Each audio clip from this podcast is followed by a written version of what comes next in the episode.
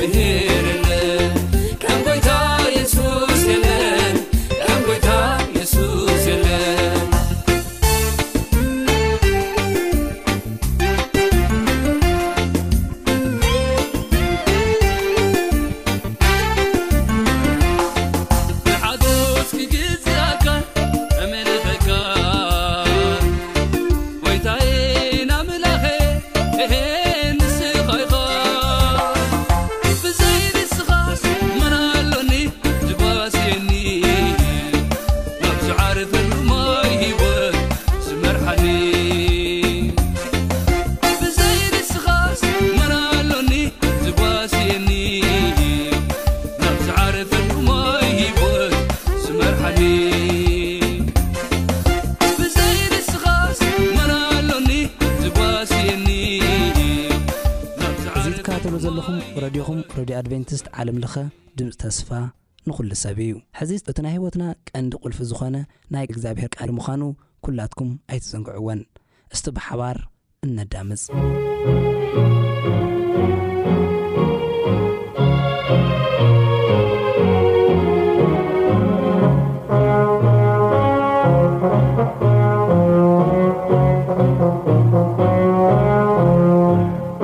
ጥዕናበለይ ዝኸበርኩምን ዝኸበርክንን ተኸታተልቲ እዚ መደብ ዝሓንዶ ቀኒኹም ሎም መዓልቲ ካብ መፅሓፍ ቅዱስ ሓቢርና ክንሪኦ ኣዳለየዮ ዘለኹ ካብ ወንጌል ሉቃስ መበል ዓሰርተው ሸውዓተ ምዕራፍ እዩ።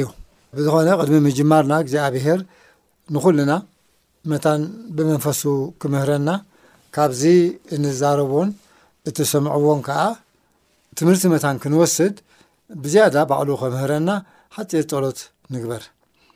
ሰማይን መሬትን ባሕርን ኣብ ዘሎ ኩሉ ዝፈጠርካ ሰማያዊ ኣምላኽ ክሳዕ እዚ እዋን እዚ ብድሓንን ሰላምን ስለ ዝጽናሕካና ነመስግነካ ኣለና።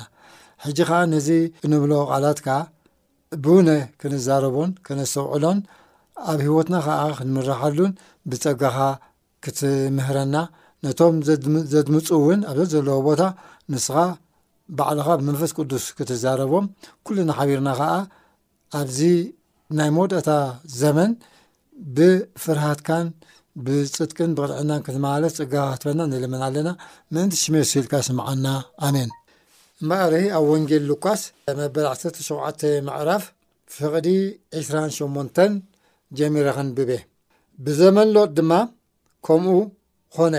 ይበልዑን ይሰትዩን ይሸጡን ይሻየጡን ይተኽሉን ይሃንጹን ነበሩ። እታ ሎጥ ካብ ሶዶም ዝወጸላ መዓልቲ ድማ ኣብ ሰማይ ካብ ሰማይ ሓውን ዲንን ወረደ፣ ንኹሉ ኸኣ ኣጥፈኤ።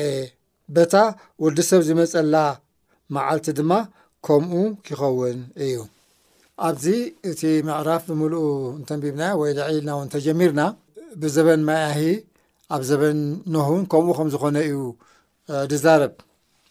እቶም ሰባት ኖህ ንምእትን ዕስራን ዓመት ነታ መርከብ እናሰርሐን እናሰበኸን እግዚኣብሄር ማይ ኣይሂ ብርቱዕ ዝናም ናብዚ መሬት ከምጽእን ከጥፍኣን ምዃኑ እናምሃሮም ከሎ እቶም ሰባት ግን ሸለል ኢሎሞ ኣይተገደሱሉን ዝኸውን ኣይመሰሎምን ስለዚ ክሳዕ ኖህ ኣትዩ እቲ መርከብ ዝዐጾ ኣይተሰቆሮምን ምንም ትዕዝም ክገብሩ ኣይደለዩን ኣብ መወዳእትኡ ኩሎም በቲ ካብ ሰማይ ዝዘነበ ብርቱዕ ዝናም በቲ ዕለቕለቕን ጠፊኦም ኣብ ሎጥ ከኣ እንታይ እዩ ዝብለና ብዛዕባ ሎጥ ክንርኢ ከለና እስቲ ናብ መጽሓፍ ኦሪት ዘጸኣት ንኺድ እሞ መበል ዓሰርተ ትሽዓተ ምዕራፍ ክንርኢ ኢና እግዚኣብሔር ንኣብርሃም እቲ ዕግርግር፣ እቲ ሽግር፣ እቲ ስድነት፣ እቲ ስርዓት ኣልቦነት ኣብ ከተማታት ሶዶምን ጎመራን ኣዝዩ ስለ ዝበዝሐ እግዚኣብሔር ኣምላኽ ንሶዶምን ጎመራን ከጥፍአን ምዃኑ ነጊርዎ። ኣብርሃም ከኣ ምእንቲ እተን ከተማታት እቲ ህዝብን ከይጠፍእ ብዝከኣሎ ከም ኣማላዲ ኮይኑ ንእግዚኣብሔር ሕቶታት ኣቕሪብሉ እግዚኣብሔር እውን ንኹሉ ሕቶታቱ መሊስሉ። ስለዚ ክንድቲ ኣብርሃም ዝሓተቶ ቁጽሪ ናይ ፈሪሃ እግዚኣብሔር ዘለዎም ናይ ጻትቃን ኣብተን ከተማታት ስለ ዘይነበሩ እቲ ውሳኔ እግዚኣብሔር ዘናስሕ ኣይነበረን ክፍጸም ነይርዎ ዝኾነ ግን ኣብኡ ሎጥን ቤተሰቡን ነይሮም እዮም ሎጥ ምስ ኣብርሃም ከኣብርሃምን ብዙሕ እተማህረ ሰብ እዩ ስለዚ ካብቲ ኣብቲ ከተማ ዝግበር ዝነበረ ሕማቅ ተግባራት ንርእሱ ዓቂቡ ዝኸይድ ዝነበረ ሰብ እዩ እምበኣር እግዚኣብሄር በዚ ምክንያት እዚ ንሎጥን ንበዓልቲ ቤቱን ነተን ክልተ ኣዋልዱን ከድሐኖም ወሲኑ እተን ኣዋልድ ከኣ ሰብኡት ዘለወን ሰብ ሓዳር ስለ ዝነበራ ክጠፍኡ ኣይደለየን ሎጥ ሐዚ ከይዱ ነቶም ሰባት ተዛሪብዎም። መጽሓፍ ቅዱስ ግን እንታይ እዩ ዝብለና? እቶም ሰብኡ እተዋልዱ ግና ሎጥ ይዋዘ ከም ዘሎ መሰሎም ይብል። ሎጥ ይዋዘ ከም ዘሎ መሰሎም ኣብቲ ካልእ ግዜ ኣብ መነባብርኡ ምናልባሽ ሎጥ ዋዛ ዝፈቱ ምስ ብፆቱ ምስ ዝፈልጦም ሰባት ፅቡቕ ዘዕልል ሰብ ክኸውን ይኽእል እዩ ኣብዚ ግዜ እዚ ግን ሎጥ ይዋዘ ኣይነበረን እቲ መዓት ኣብ ኣፍ ደገ ይበጽሒ ነይሩ፣ እቲ ህዝቢ ኩሉ ዝጠፍኣሉ።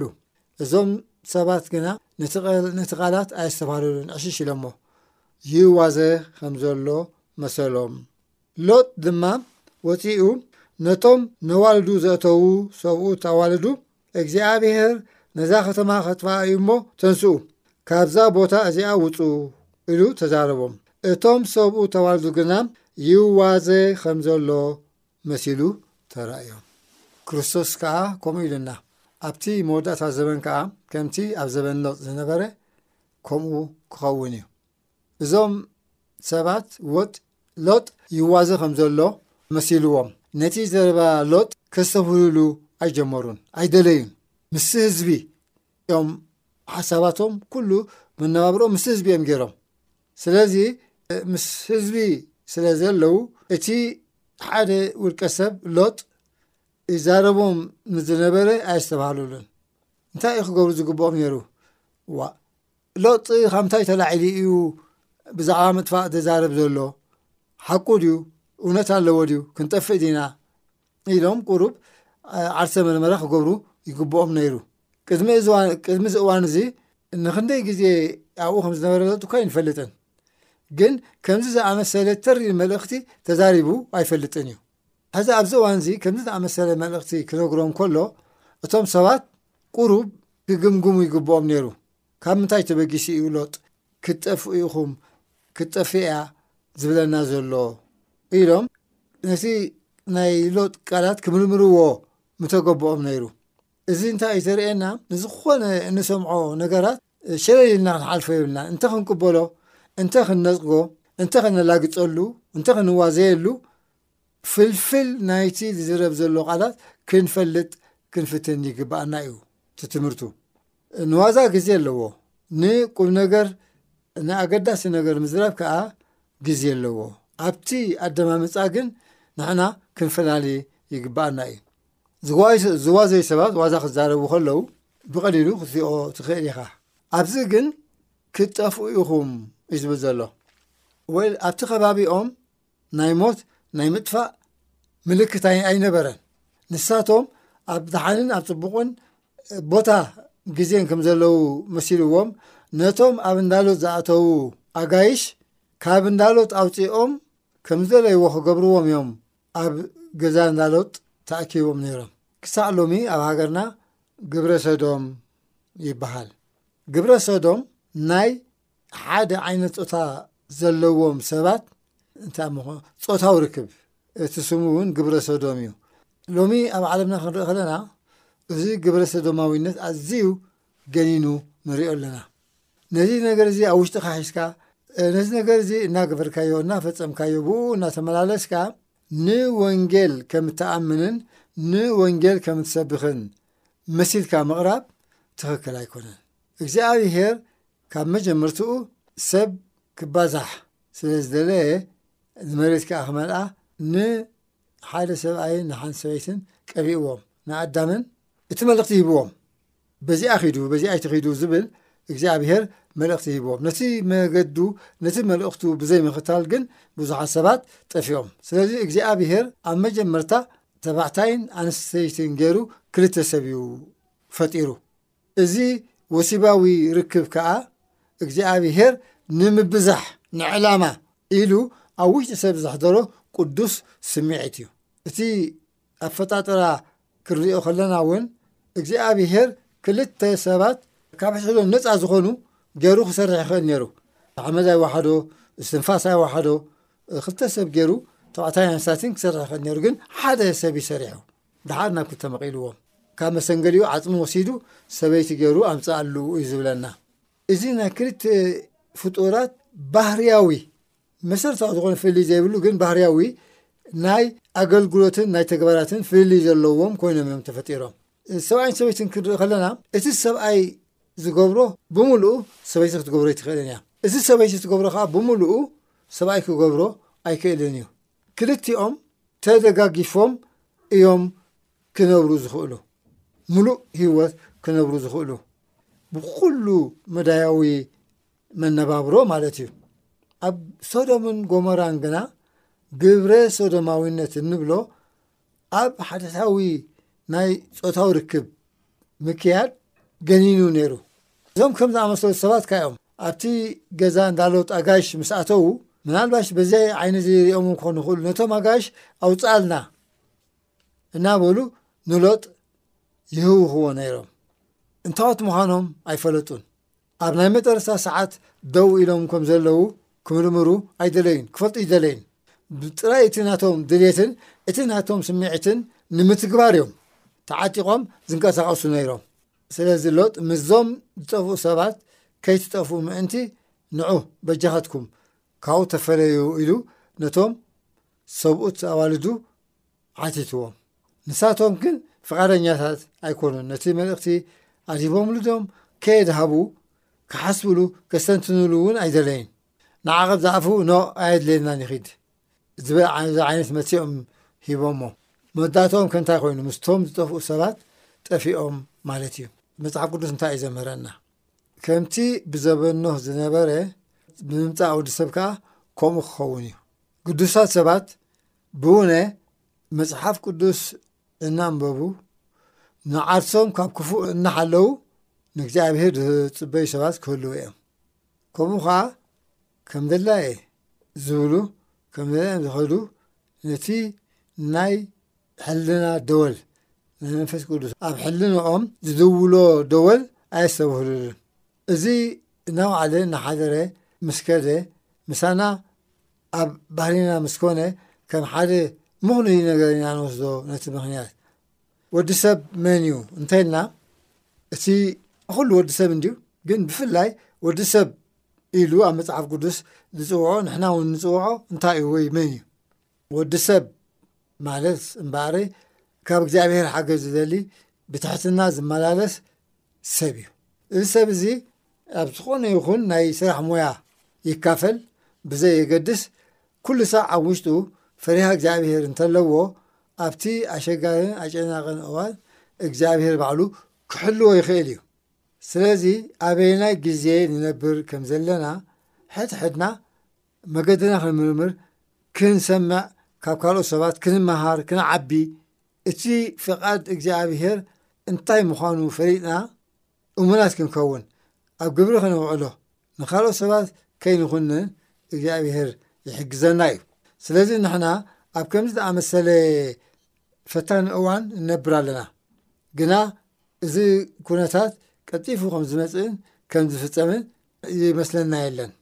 ስለዚ ኣድመጽቲ ናይዚ መደብ ኣብዚ ክንመሃሮ ንኽእል እንታይ እዩ፣ ዝኾነ ይኹን ሰብ ዝኾነ ይኹን መልእኽቲ ክህብ ከሎ እንተ ናይ ሕማቕ እንተ ናይ ጽቡቕ ብዝኾነ ግን መበገሲ ኣለዎ መበገሲ ኣለዎ ስለዚ ንሕና ኣብ ቦቦትኡ ኣብቲ ናይ ምርባሕ ደርሁ ዝገብሩ ሰባት ናይ ምርባሕ ደርሁ መበገሲ ዝኾና ደርሁ እንስሳታት እውን ዝሕዙ ኣለዉ ስለዚ ኣብዚ ኩነታት እዚ እቲ ክንገብሮ ዝግብኣናን ክንገብሮ ዘይግብኣናን ብውነ እናጽናዕና ነቲ ትኽክለኛ ነቲ ቅኑዕ ኣብ ቅድሚ እግዚኣብሔርን ኣብ ቅድሚ ሰብን ጽቡቕ ነገር ዘለዎ ነገራት እናመርመርና ንዕኡ ክንገብር እዩ ዝግባኣና ኣብዚ ግዜና ብተፈላለየ መገዲ እተፈላለየ ዓይነት ሕማቕ ዘመን ምዃኑ ናይ መወዳእታ ዘመን ምዃኑ ዝሕብሩና ነገራት ንርኢ ንሰምዕ ንገብር እውን ኣለና ኢና ግን እቲ ናይ መጠረስታ ነገር ሃንደበት ከይተጸበናዮ መታን ከይመጸና ኩሉ ሳዕ ኣብ ውሽጥና ፍርሃት እግዚኣብሄር ክህልወና ይግባእ እዩ። ኩሉ ነገር ክንገብሮ ነገር ኣብ ቅድሚ እግዚኣብሄር ምህላውና ፈሊጥና እዚ እግዚኣብሄር ይርእየኒ ኣሎ እዚ እንተገበርክዎስ እግዚኣብሄር ይሕጎሰሉ ድዩ ንእግዚኣብሄር የጉህዮ ድዩ እናበልና ንኩሉ እንገብሮ ነገራት ብግድየለሽነት ክንገብሮ ኣይግብኣናን እዩ።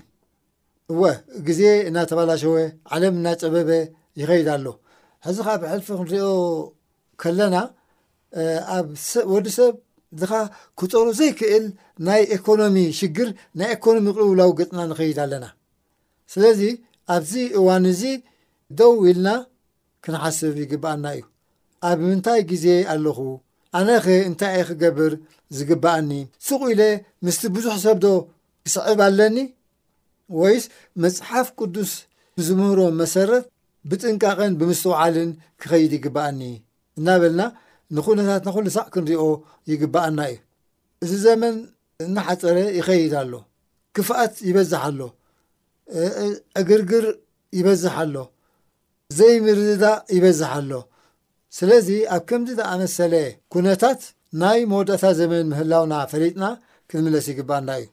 እዚ ከባቢና ክንሪኦ ከለና፣ እዚ ከባቢ ቀርኒ ኣፍሪቃ ከም ኢትዮጵያ፣ ኤርትራ፣ እዚ ካልእ ጎረባብትና ዓድታትውን ክንሪኦ ከለና ብዙሕ ግዜ ናይ እግዚኣብሔር ህላወ ዘይተፈልዮ እዩ ዝመስል እግዚኣብሔር ብዙሕ ግዜ ነዚ ከባቢ እዚ መጠንቀቕታታት ይሰደሉ እዩ እግዚኣብሔር ብዝኾነ መገዲ ክዛረብ ይኽእል እዩ ስለዚ እዚ ዝኾነ ሰብ ብዛረቦ ዘረባ ብውነ ክነሰምዕሎ ይግባኣና እዩ ኣብ ሓደ ቦታን ካብ ሓደ ከባብን ጥራይ ኣይኮነን መልእኽቲ እግዚኣብሔር ዝመፅእ እግዚኣብሔር ብብዙሕ መገዲ እዩ ዝዛረብ።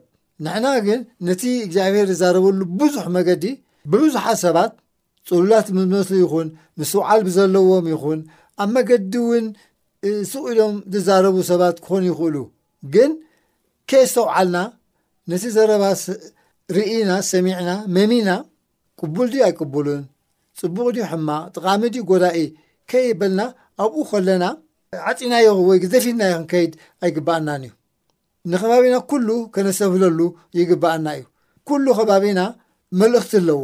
ስለዚ ንሕና ንኩሉ ነገር ብምስትውዓል ክንመላለስ ይግባኣና እዩ። እቲ እዋን ሽግር ሃንደበት ከይመጸና እወ እቲ ሓፈሻዊ ካልኣይ ምምጻእ ጐይታና የሱስ ክርስቶስ ናይ መወዳእታ ዘመን ኣብ ግዜና ክኸውን ይኽእል እዩ። ኣብ ግዜና እውን እንተዘይኮነ ግን ንሕና ንዘለኣለም እንነብር ሰባት ኣይኮናን። ኣብ ዝኾነ እዋን ናይ ሞት ኣጋጣሚ ክመጸና ይኽእል እዩ። ስለዚ ኩሉ ሳዕ ድልዋት ንእግዚኣብሔር ንምስማዕን ከም ፍቃድ እግዚኣብሔር ምኻድን እንተሞትና ኸዓ ብበረኸት ኣብ ኢድ እግዚኣብሔር ክንዓርፍን ከምኡ እናሓሰብና ክንነብርን ንኸምኡ ክንነብርን እዩ ዝግብኣና። ስለዚ እቲ ጽውዓ እዚ እዩ።